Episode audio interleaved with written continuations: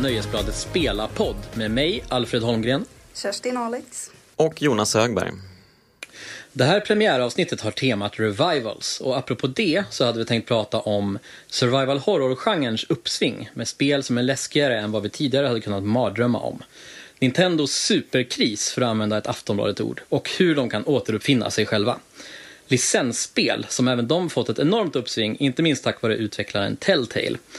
Dessutom ska vi ta ett snack om sexspel, för debatten om dem tror vi också kan få nytt liv under 2014. Jonas, du är ju Nöjesbladets nyhetsskribent på spelarsajten och flitigaste recensent får man väl säga. Uh, jajamän, jag stämmer in i beskrivningen som just uh, delgavs mig. Kerstin, du recenserar spel på spelarsajten, du är med mm. och har kommit med många vassa åsikter genom åren får man väl säga. Ja, det händer väl. Absolut. Yes, och jag själv är då Nöjesbladets spelredaktör. Och jag tänkte inleda med den här simpla frågan. Jonas, vad spelar du just nu? Just nu spelar jag ett eh, väldigt galet multiplayer-spel i 2D eh, som heter Nidhogg. Eh, där två krigare gör upp mot varandra med eh, värjor. Eh, man kan säga att det är lika delar sorrofäktning som NFL och kull. Eh, väldigt eh, konstigt, väldigt roligt. Så du, med andra ord tycker du att det lever upp till den här hypen som har byggts upp kring det de senaste veckorna? Ja, absolut. Eh, spelet har ju varit under utveckling i fyra års tid kan man eh, säga. Det var ju en prototyp från början och sen så har de funderat på om de ska göra det till ett riktigt spel och så. Eh, och resultatet är bländande skulle jag säga. Ehm, väldigt, väldigt roligt multiplayer-spel och gärna två personer framför samma dator. Väldigt skojigt. Mm, det är en speltyp man har saknat lite grann ändå med online-spelens framfart de senaste decennierna. Mm. Ja, verkligen.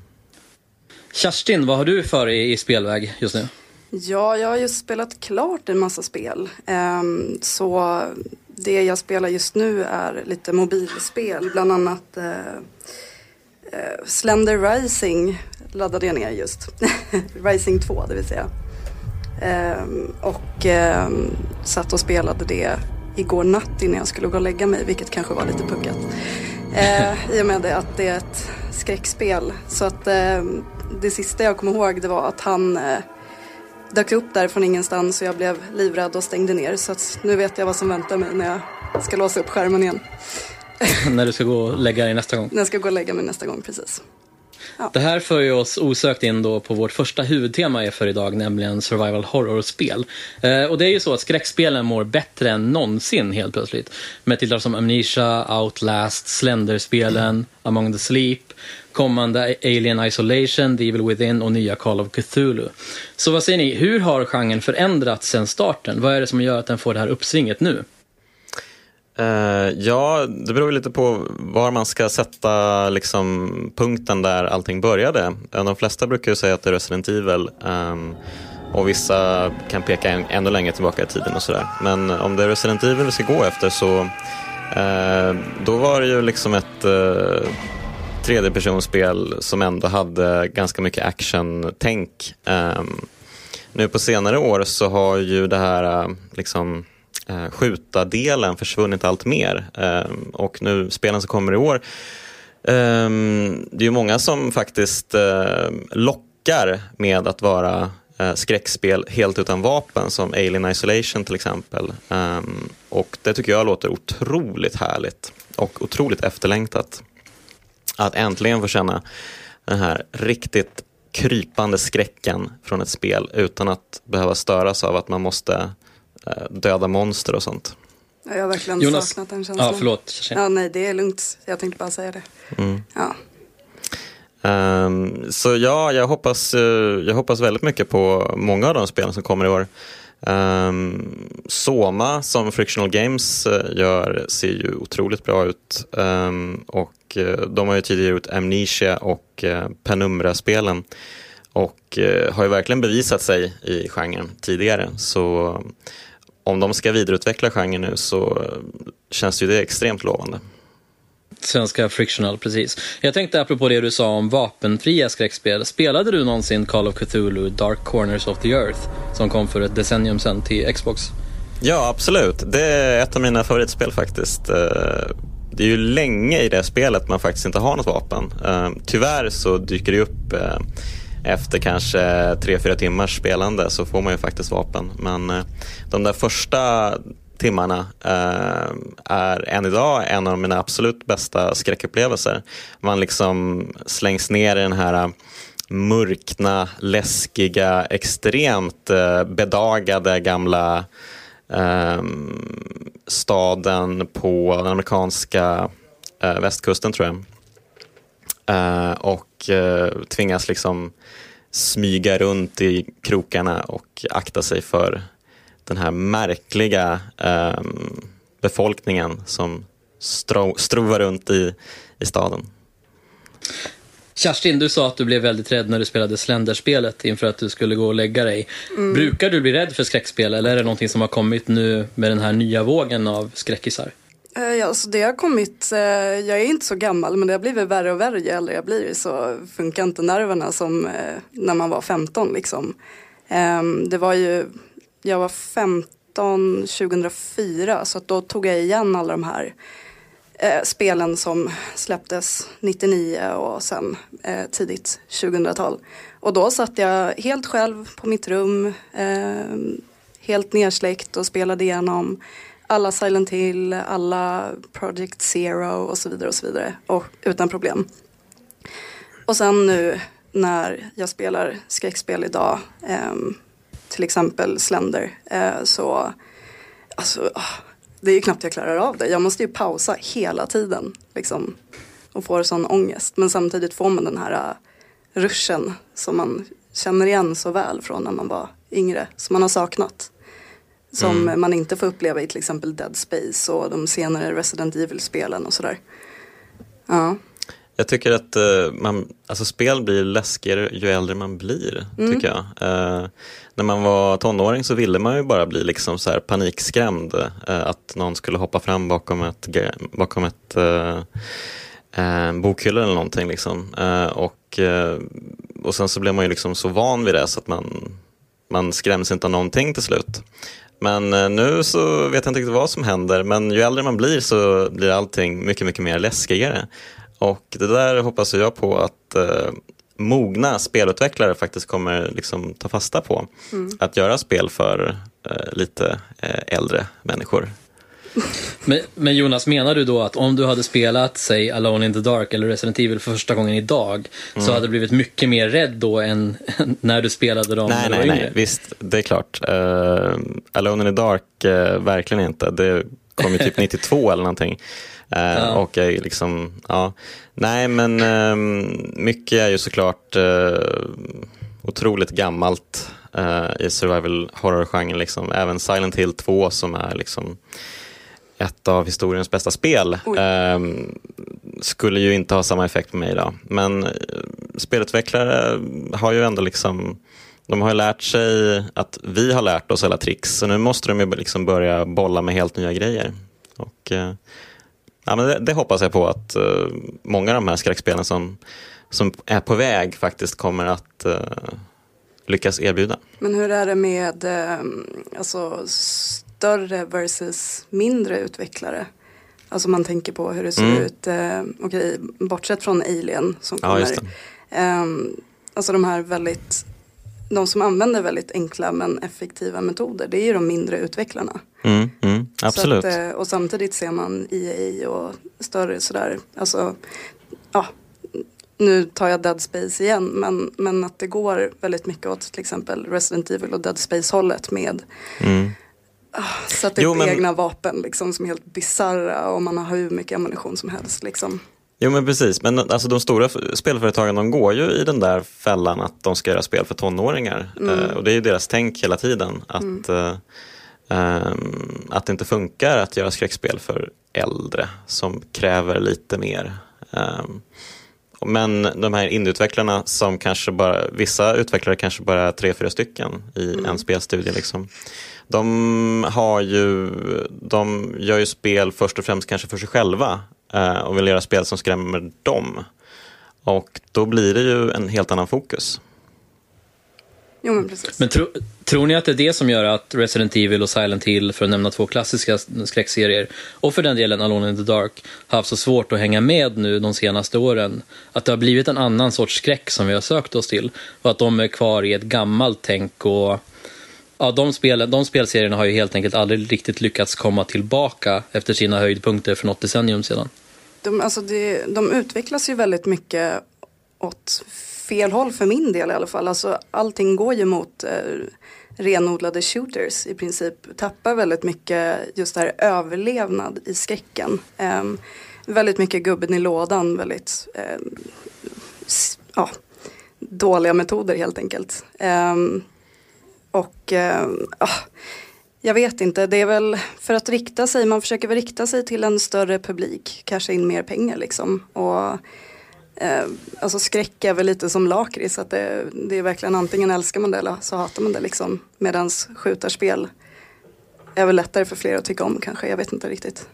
Fast jag vet inte om, riktigt om det helt stämmer, men Stephen King är ju en av världens mest sålda ehm, författare och skräckfilmer går ju otroligt bra på bio. Liksom.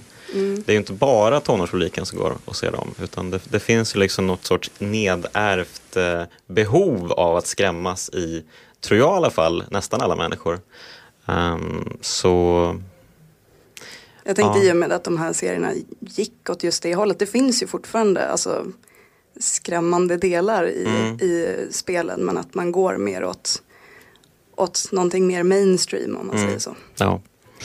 Jag tänkte, Kerstin, du recenserade ju Silent Hill HD-samlingen. Mm. När du körde de spelen på nytt, blev du lika rädd som eh, första gången du körde dem? Tycker du att de håller skräckmässigt än idag? Silent Hill 2 som ju många håller som skräckgenrens kanske största mästerverk. Mm, alltså det är ju inte, inte på samma sätt. Silent Hill 2 känns ändå ganska tidlöst i och med att det var egentligen ingen som, som gjorde eller utvecklade idén om eh, den typen av handling och med metaforer och, och besökare här eh, ja, eh, James eh, inre eh, mardrömmar om man säger så. Eh, så att det känns tidlöst. Däremot Silent till 3 har jag spelat både på alltså HD-varianten och eh, på Playstation 2 igen för inte så länge sedan. Och var inte alls lika imponerad faktiskt. Så att eh, det känns inte alls lika tidlöst.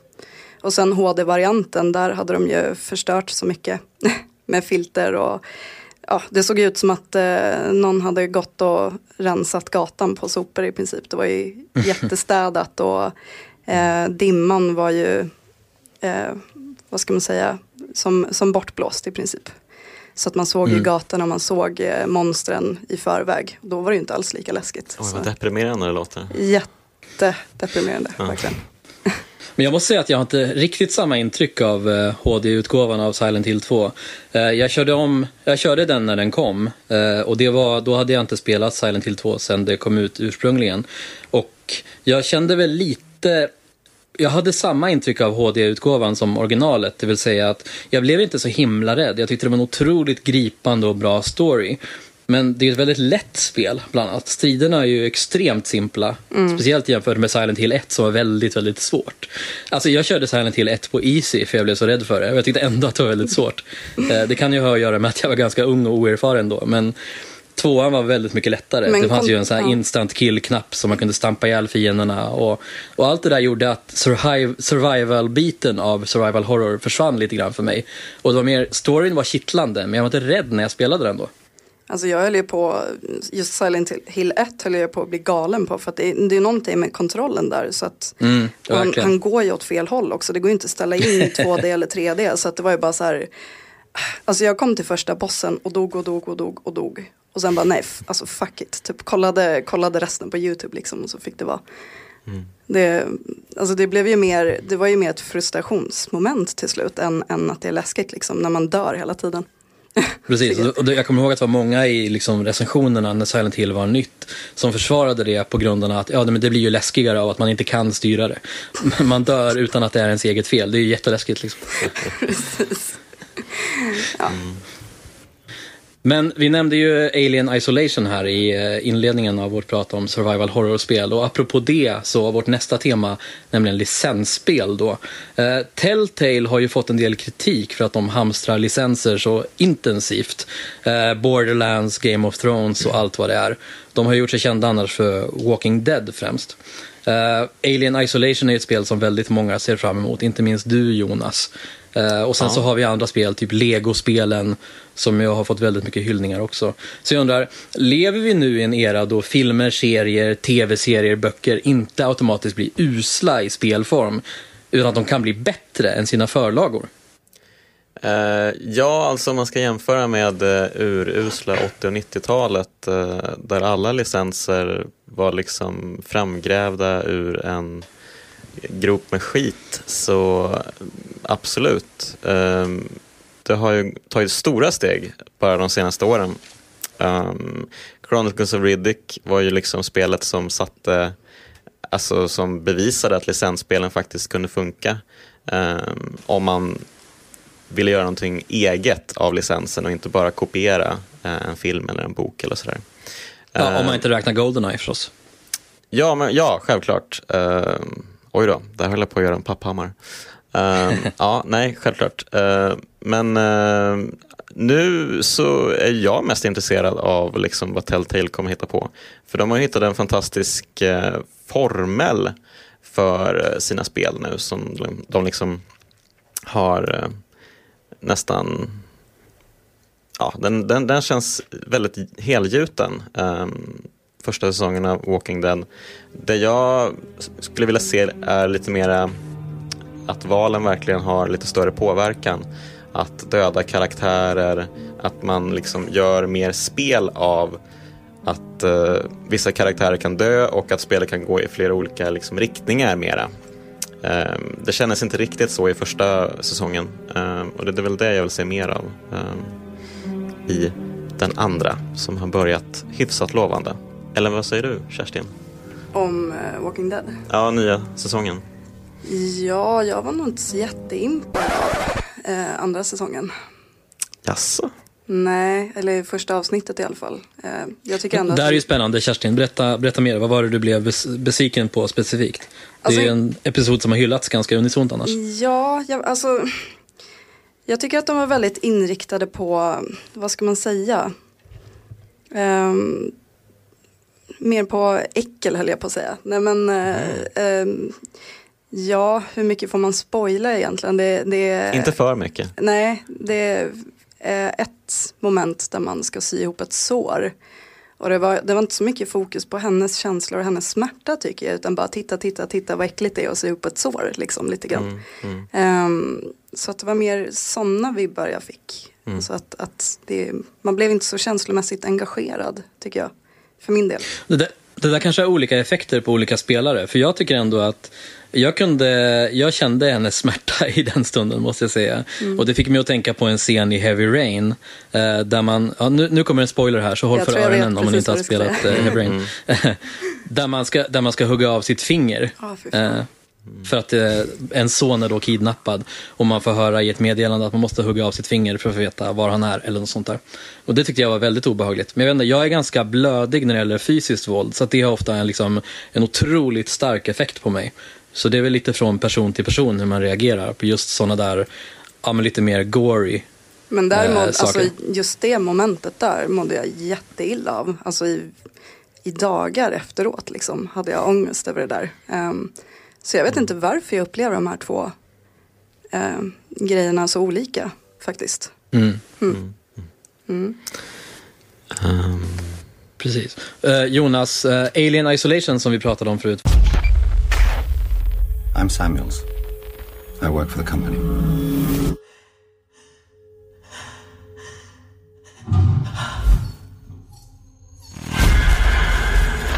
It's about your mother.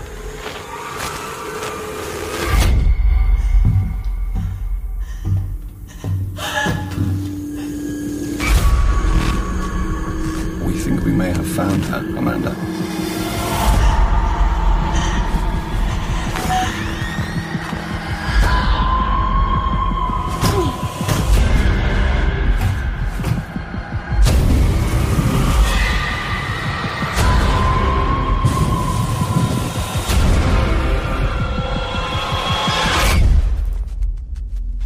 Shut the book.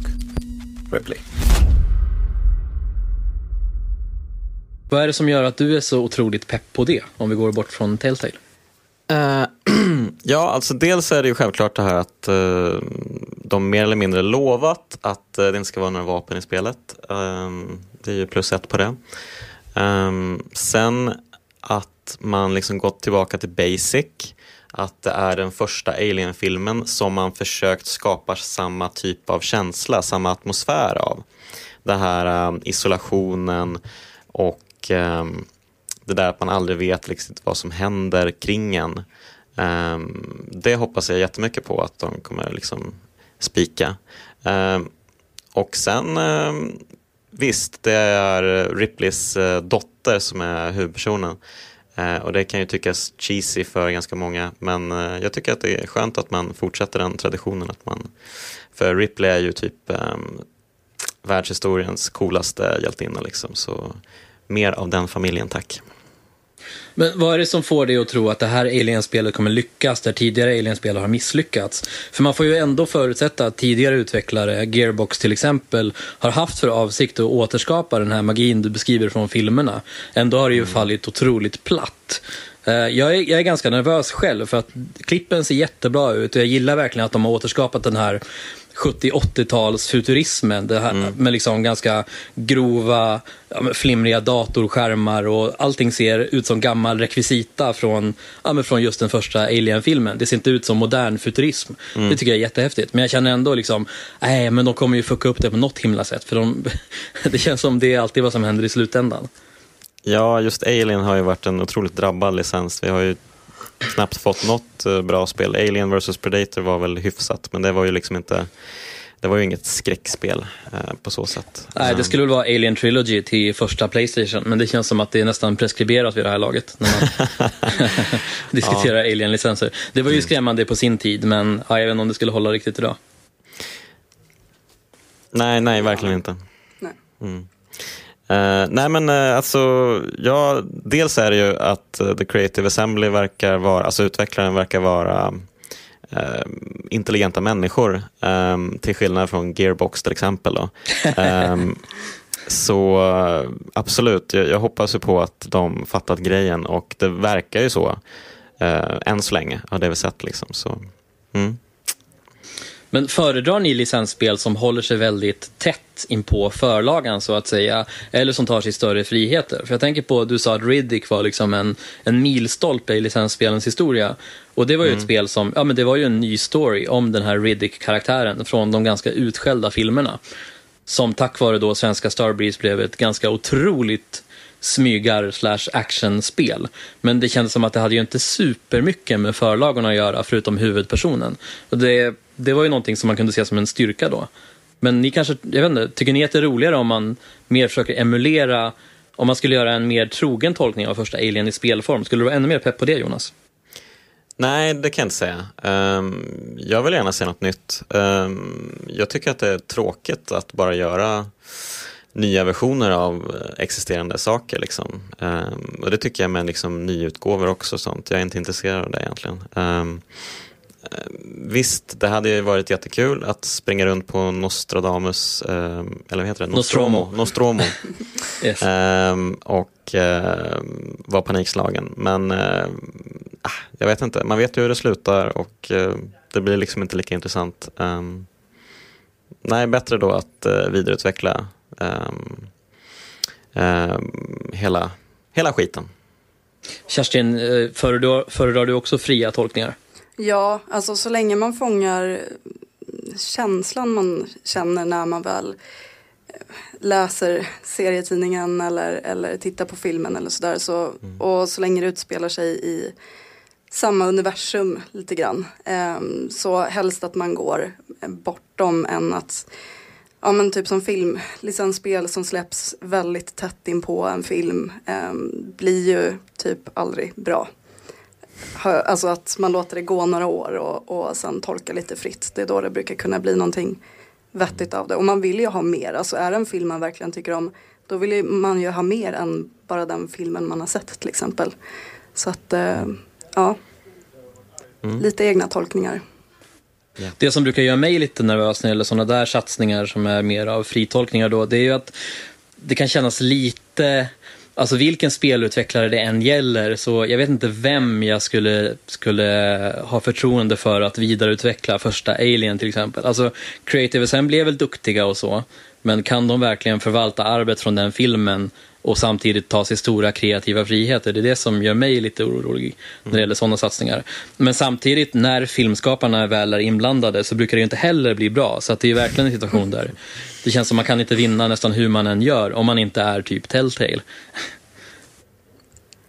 Ja, nej precis. Um, det, precis, det, är som du säger, om filmskaparna är inblandade i en produktion då brukar man ju höra varningsljuden ljuden direkt liksom, och eh, evakuera byggnaden. Um, när, um, när Steven Spielberg försökte göra spel eh, till exempel, det blev ju katastrofala eh, resultat när han gjorde sin jättemärkliga um, uh, filmregissörs uh, simulator på 90-talet till exempel. Otroligt roligt. Kolla upp det på Youtube om ni inte sett det. Men han gjorde ju även det här Boomblocks, eller han kom åtminstone med idén till Boomblocks till Wii, som ju faktiskt ja. var ett rätt kul spel. Fast det är kanske lite utanför den här licensdiskussionen. Ja, det får man väl säga. Um, Ja, nej men eh, så är det ju. Guillermo del Toro har ju, eh, om nu inte spelet har lagts ner, ett spel på gång. Ehm, och det känns väl sådär rent intressemässigt. Ehm, men ehm, ja, vi får se. Yes. Då är nästa ämne sexspel. Eh, senast det diskuterades riktigt intensivt i Sverige var ju när det gällde Rayplay, den här japanska våldtäktssimulatorn, eller vad man ska kalla det, som det stormade kring 2010. Mm. Eh, nu på sistone har det kommit en del uppmärksammade experiment med virtual reality 6 och eh, Europalanseringen av Senran Kagura Burst, det japanska spelet med en del eh, sexuella undertoner som ska släppas 2014 vars bara själva omslag har blivit ganska kontroversiellt. Kerstin, jag såg att du, hade en, du twittrade någonting om det här Senran Kagura. Vad handlade det om? Nej, det var någon på Fragbite som eh, undrade hur eh, media skulle ställa sig till det här omslaget och till spelet. Och sen eh, hade, han, hade han även frågat vad jag skulle tycka. Eh, vilket ja, jag brukar kunna läsa på forum. Det är alltid så här om det är någonting eh, genuskopplat så bara, ah, vad kommer Kerstin Alex på Aftonbladet tycka om det här då? Kommer hon ge det två av fem eller så här. Um, så att det var det jag hade twittrat ut. Ja, vad säger du? Är du redo att sätta ett betyg på omslaget? Blir det två av fem eller? Minus. vad, vad, vad är det man ser på omslaget egentligen? Varför har det blivit så kontroversiellt? Alltså det är bara bröst på en tjej, helt enkelt. Inzoomat. Och det är väl det. Mm. Precis. Så vad säger ni om sexspel generellt? Alltså, det är ganska vanligt ändå. Inte jättevanligt, men det har ju definitivt blivit vanligare det senaste decenniet med viss nakenhet och ganska milda sexscener i storspel. Vi kan kolla på liksom Mass Effect eller Heavy Rain och, mm. och eh, Beyond och så vidare. Vad tycker ni om det här? Är det någonting, var vill man dra gränsen eller är det för sent att dra en gräns överhuvudtaget för det här laget? Alltså det är skillnad på sex och sex, tycker jag. Um, tar man um, till exempel um, ja, men eh, Mass Effect eller Heavy Rain eller vad som helst. Då är det liksom vuxna människor har sex. Så är det. Um, och det är väl inget fel på att ha med det i spel så länge det är en del av berättelsen. Tycker jag. Uh, jag tycker att man kunde slopa det helt och hållet men det gäller även film och uh, kanske inte böcker i och för sig men i film blir det alltid konstigt av någon anledning. Jag tror inte jag sett en enda bra sexscen på film. Um, och det gäller ju definitivt uh, spel också eftersom allting blir så himla uh, konstigt på grund av polygonkroppar som inte riktigt uh, kan hålla sams med varandra. Um, ja. ja. Mm. Så ni har aldrig sett, Jonas du har aldrig sett en, en i närheten av bra sexscen i ett spel? Eller kontentan av det här? Det kan jag verkligen inte minnas i alla fall. Um, det är bara pajasgrejer får köra det här klassiska med att det zoomar ut på, eh, på ett fönster eller någonting då.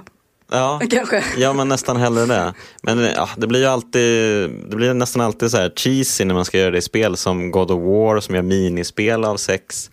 Ehm, Det var ju det jag på menade med skillnad på sätt, sex liksom. och sex. Liksom. Det är inte, alltså I God of War, där är det ju verkligen att han springer ner för en korridor ehm, och så ser man en random dörr, öppnar den och så bara i ett pyttelitet rum utan fönster så är det två brudar liksom som ligger där i en säng och bara åh Kratos. Typ. Så bara jaha okej.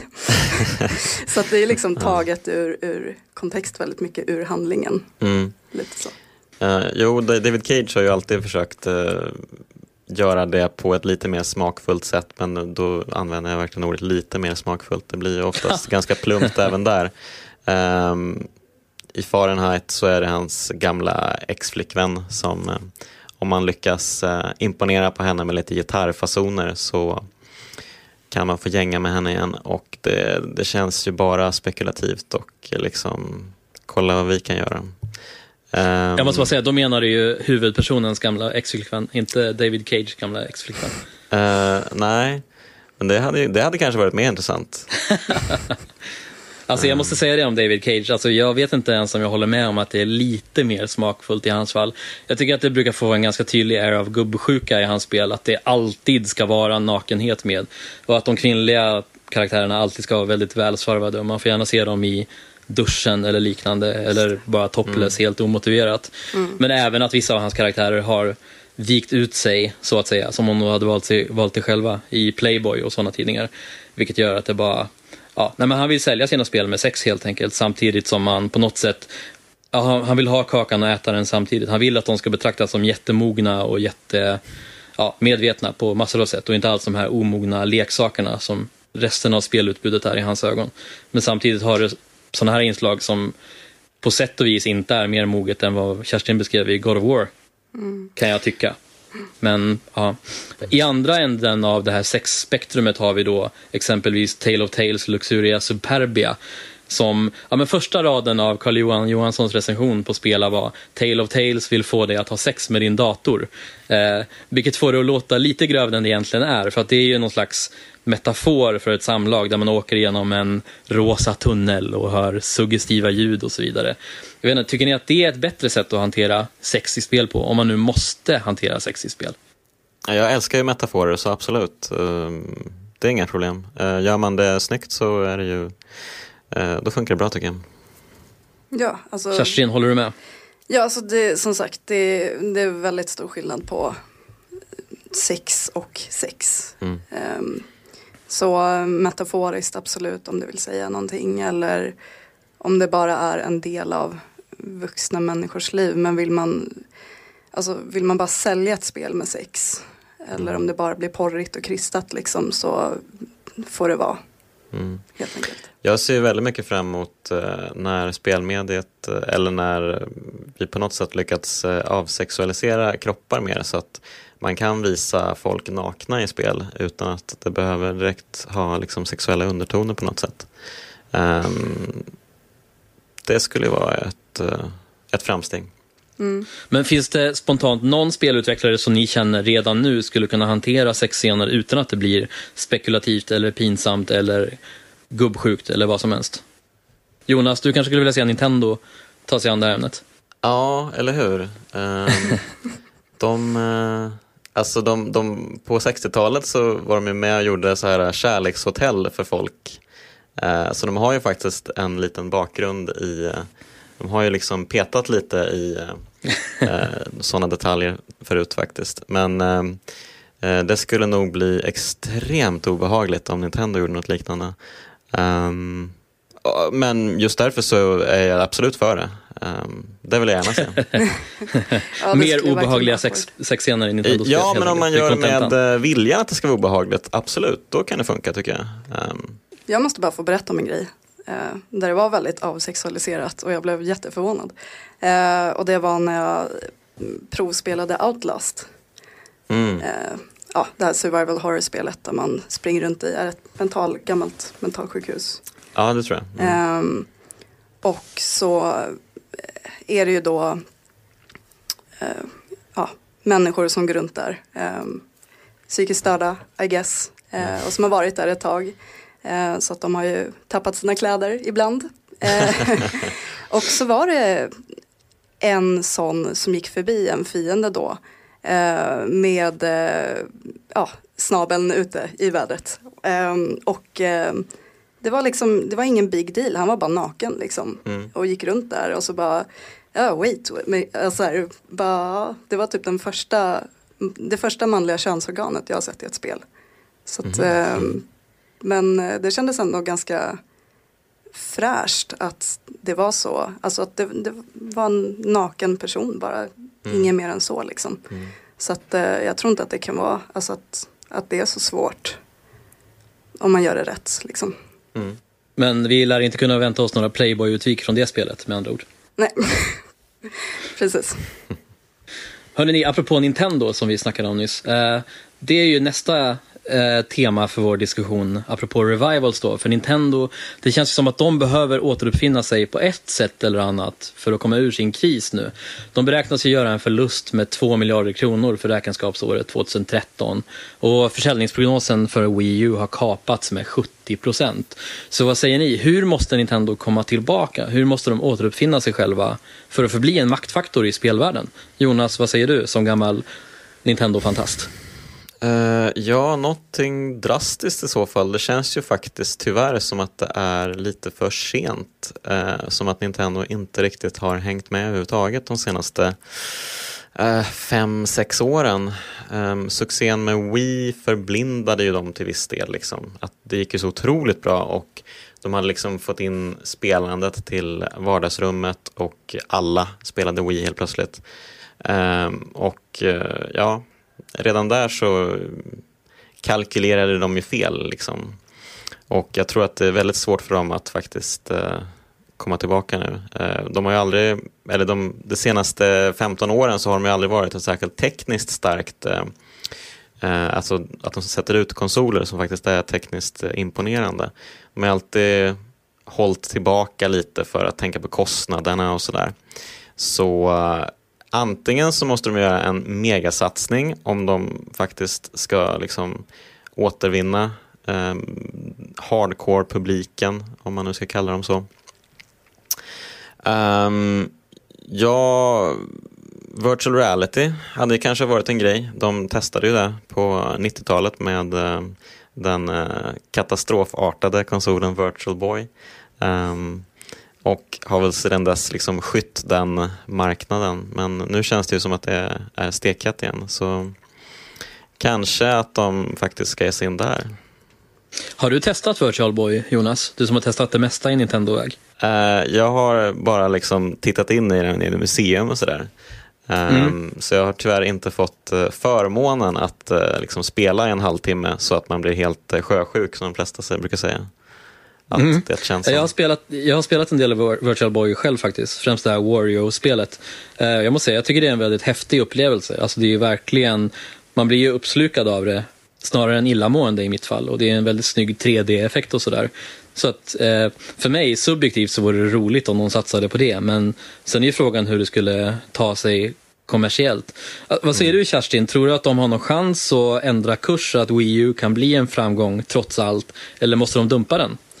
Eh, alltså, jag känner väl så här rent instinktivt att de måste dumpa den. Eh, vad är det som kan komma ut där förutom, alltså det skulle vara om de dumpar eh, kontrollen. Eh, för att den, den funkar inte, de hittar ju inte spel som passar där man använder skärmen på ett vettigt sätt. Eh, och det känns inte som att de kommer göra det heller liksom. Så slopa den och satsa på de gamla, alltså Wiimoten och, och nunchucken liksom, som funkade. Ehm, men sen känns det ju, alltså de, de släpper ju, de lever ju väldigt mycket på gamla meriter om man säger så. De släpper ju Super Mario-spel och Sonic-spel och Donkey Kong och så vidare. Så att det känns som att ja, de behöver göra någonting drastiskt där. Eh, Ja, eller hur? För att de har ju Ja. provat att släppa de flesta av sina klassiker nu till Wii U och det har fortfarande inte bitit riktigt på hardcore-publiken, eller hur? Precis. Eh, så, men du tror alltså att det är kontrollen som är det stora hindret? Du tror att det hade gått bättre om de hade släppt en HD-konsol med prestanda i typ nivå med 360 och PS3 fast med Wiimote och Nunchuck? Ja, alltså det är väl det jag upplevt själv och när jag i alla fall har pratat med andra att det är eh, kontrollen som är det stora problemet liksom. Men eh, samtidigt, eh, alltså om de skulle släppa en HD-version av till exempel eh, Wii så skulle det fortfarande vara Alltså det skulle de ha gjort från början. det är väl lite så jag känner. Mm, de jo. ligger en, minst en hel generation efter hela tiden. Jo, de skulle ju släppt eh, Wii U eh, för fyra år sedan, liksom, minst. Och så skulle de kallat den Wii 2 eller något betydligt roligare. Eh, Wii U var ju ett katastrofnamn redan från första början liksom, och folk har ju bara liksom förväxlat det med den originalkonsolen hela tiden. Eller tänkt att det var något sorts tillbehör som de inte behövde. Liksom. Ehm, så det är ju Men- det är extremt dåligt av ledningen, får man ju säga. Men tycker ni att Nintendos misstag då är, trots succén med Wii, att de gav sig efter den här casual-publiken och satsade på mindre avancerad teknik? Eller tror ni att det är det som har ändå räddat dem kvar så här länge? Alltså det är ju med För- tanke på att de har För efter GameCube såg det inte så bra ut. Förlåt Nej, Kerstin. precis. Nej men det är lugnt. Ehm, jag tror att det, det behövdes en konsol som ändå var ganska enkel och som riktade sig just till barnfamiljer och, och sådär. Men ehm, det, uppenbarligen så räcker ju inte det enbart liksom. Men nu köper ju alla iPads och Precis. iPhones till sina barn så de är ju liksom ifrånsprungna på det planet. Jo, varför köpa ett spel för 600 spänn när man kan köpa ett som kostar 7 kronor liksom.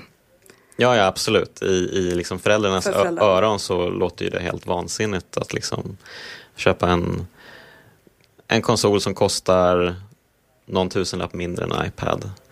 Och, men samtidigt då få lägga ut eh, 600 spänn i månaden på ett nytt spel istället för att bara köra några 7 kronors grejer och göra barnen lika glada nästan. Precis, och när kontrollen dessutom ser ut som en iPad så är väl förväxlingsrisken ännu större antar jag. Mm, Precis.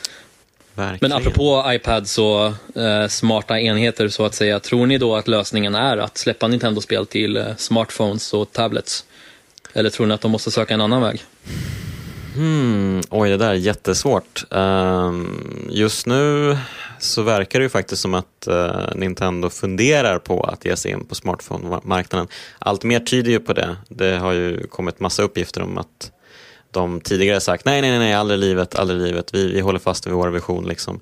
Men nu de senaste månaderna bara så har det ju faktiskt dykt upp ehm, så är det många analytiker och många så här eh, börshajar som börjat liksom ja, skvallra om att eh, Nintendo är på väg nu in i mobilmarknaden. Um, och liksom ett Pokémon-spel till um, ett lite neddummat Pokémon-spel till uh, iPhone eller iPad eller Android skulle ju sälja som smör tror jag uh, och kanske kunna breda väg för att liksom slussa in folk på 3DS och sådär.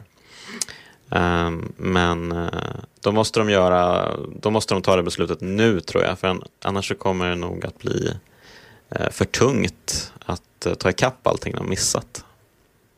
Men om ni skulle få välja mellan en, säg Nintendo-brandad mobiltelefon, som det också har ryktats om, eller en Nintendo-konsol med prestanda i klass med Playstation 4 och Xbox One, vad skulle ni hellre köpa? Ni som hardcore-spelare. Oj. Eh, det beror ju på vad de släpper för någonting till den här konsolen i sådana fall. Det är väl lite så, jag går väl väldigt mycket på spelen.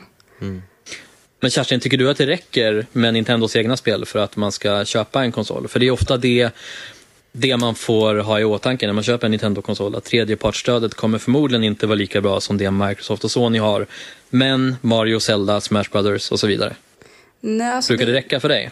Nej, det gör ju inte det. Eh, Jag vill ha mer variation än så. Samtidigt så brukar ju de spelen vara riktigt bra eh, och man får dem ju inte någon annanstans. Ehm, Mm. Så det är tufft läge det där men, men det, är ju inte, det räcker ju inte för folk som eh, kanske inte är extrema Nintendo-fans liksom. Ehm, så att de måste ju försöka hitta spel som kanske Zombie U eller sånt som går utanför det här som de har hållit på med i 20-30 år. Mm, mm. Precis, och problemet när, när det händer, som när Ubisoft släppte Zombie så sålde det ju inte och så la de ner utvecklingen av tvåan för att ja, det är en Nintendo-konsol och där köper folk helt andra spel helt enkelt. Så Ja, det är ett svårt moment 22 för Nintendo just nu kan vi konstatera åtminstone. Precis. Uh, apropå vårt huvudtema för idag, Revivals. Jag tänkte fråga er, vilka Revivals vill ni se under 2014 och framåt? Uh, spel, format, genrer, utvecklare eller precis vad som helst. Kerstin, vad säger du? Vad har du gått och saknat i spelutbudet på sistone? Alltså för att återkoppla till uh, survival horror så är det ju alltid det som har stått mig väldigt väldigt, eller det har varit väldigt varmt liksom eh, om hjärtat. Så att eh, jag sitter väl mest och väntar på vad som kommer att komma ut där. Nu minns inte jag vad den titeln hette men det var ju något väldigt bisarrt spel som det släpptes en trailer på för något år sedan. Där man knappt såg vad det var för någonting. Eh, ja. Ett japanskt spel. Ah, som jag väntar okay. på. Men eh, ja, från indieutvecklare också helt enkelt. Det, jag har ju gått och, och längtat efter det här i sedan 2004 i princip. Mm. Så att eh, mer eh, bra skräckspel hoppas jag på. Ja, men det låter ju som att du kommer få din önskan uppfylld ja, precis. det närmaste året måste man ja, ändå säga. Eh, Jonas, vad säger du? Vad, vad har du gått och längtat efter? Uh, ja, när vi snackar på nytt så hoppas jag ju verkligen att just Nintendo ska ta sitt förnuft till fånga och ge Samus Aran en liksom att de ska återuppväcka henne från att döda. För just nu så är hon död i mina ögon. Eh, efter Metroid Other M som var liksom en katastrof på alla berättarmässiga plan och som förvandlade henne från typ världens eh, coolaste prisjägare till en pappasuktande, eh, väldigt nervöst lagd person med otroliga komplex liksom, som ja, det var liksom en katastrof, eh, hela det spelet. Och eh, det här att hon, när hon möter sin fiende Ridley som har mött många gånger tidigare, blir hon, fryser hon liksom fast och tänker oj, hjälp. Eh, det var den här eh, snubben som eh, dödade min familj. Något som hon uppenbarligen inte tänkt typ eh, tre gånger tidigare och som typ inte har liksom påverkat överhuvudtaget. Så Nintendo gjorde ju bort sig något otroligt med det spelet och eh, jag hoppas på ett eh, Retro Studios eh, eh utvecklat eh, nytt Metroid där Samus Aran får vara tyst och eh, stenhård igen. Alltså när det gäller Other M som du tog upp här, man anade ju oråd redan när Nintendo slog sig i lag med Team Ninja som ju inte har den bästa världens bästa track record när det gäller starka kvinnliga karaktärer. Nej, man De såg ju framför sig enorma för... bröst liksom på Samus eh, eftersom de har gjort Dead or Alive-serien tidigare bland annat. Uh, nej, men just uh, storymässigt så ska man inte anklaga dem faktiskt, utan det är ju Nintendo själva som skrev manuset. Men hade man inte, man har väl aldrig haft någon särskilt, från utvecklarnas håll, vettig bild av henne, alltså det här med att ju snabbare man spelar igenom spel, Mm. desto mindre kläder de på sig. Alltså det var väl mer att de inte fick det här berättarmässiga utrymmet mm. i början som hon inte blev den här personen.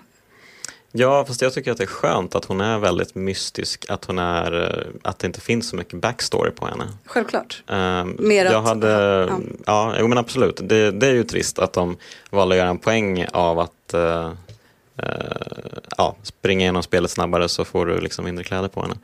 Um, det var en trist grej, men i övrigt så är hon ju liksom skitcool. Och uh, just genom liksom Metroid Prime-spelen där man liksom fick uh, lära känna henne genom att uh, när det kom rök på visiret så fick man se hennes ansikte liksom kort på hornhinnan där liksom. Annars så ser man ju ut liksom bara på landskapet. Um, och hennes andetag och sånt där. Det var väldigt små effektiva Eh, väldigt eh, smart berättande eh, överlag i Metroid Prime-spelen. Man liksom fick läsa på om planeten och eh, rymdpiraternas förhållande till Samus Aran, att de fruktade henne jättemycket och sånt där. Eh, väldigt eh, små men effektiva små liksom, berättarkorn som man strösslade sådär. Eh, sånt berättande gillar jag väldigt mycket. Eh, och eh, nej men eh, slopa hennes eh, fruktansvärda backstory som de körde i Other M och eh, ehm, återinför henne som uh, grym hjältinna. jag kunde inte hålla med dig mer. Uh, men hörni, med de orden tror jag att det är dags att avrunda det här premiäravsnittet av Spela-podden. Du har lyssnat på Nöjesbladets spelarpodd med Alfred Holmgren, Jonas Högberg och Kerstin Alex. Ansvarig utgivare är Jan Helin. Och jag hoppas ni vill höra av oss snart igen. I så fall gör ni det härnäst om ett par veckor. Ha det bra så länge. Link,